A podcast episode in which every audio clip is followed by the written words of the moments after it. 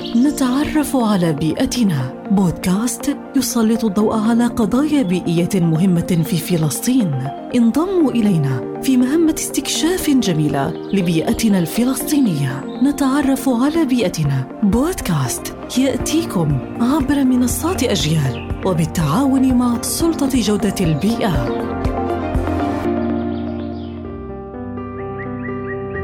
تقييم التأثير البيئي. دراسة يتم فيها التحليل والحكم على التأثيرات البيئية المختلفة سواء كانت مؤقتة أو دائمة لنشاط تنموي معين. ويتم إعداد هذه الدراسة في مرحلة التخطيط أي ما قبل تنفيذ هذا النشاط. ويتم فيها تقييم التأثير البيئي وبحث الخيارات المختلفة لتنفيذ هذا النشاط من حيث تأثيراتها المختلفة على مكونات النظام البيئي ويشمل ذلك التأثيرات الكيميائية والفيزيائية والحيوية. كما يشمل التأثيرات الاجتماعية وتهدف دراسة تقييم الأثر البيئي إلى إبراز هذه التأثيرات البيئية لصناع القرار لكي يضعوا العواقب البيئية والاجتماعية التي يمكن أن تترتب على إقامة هذا النشاط في الاعتبار. ومن ثم يتخذون القرار المناسب بشأنه. وفي فلسطين يكون تقييم الأثر البيئي والحصول على الموافقة البيئية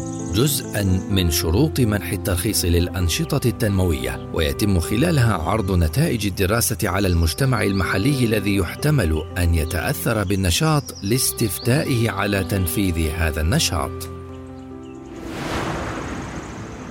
وخلينا نتذكر بيئتنا كنزنا لازم نحميها ونحافظ عليها. نتعرف على بيئتنا. بودكاست يسلط الضوء على قضايا بيئية مهمة في فلسطين.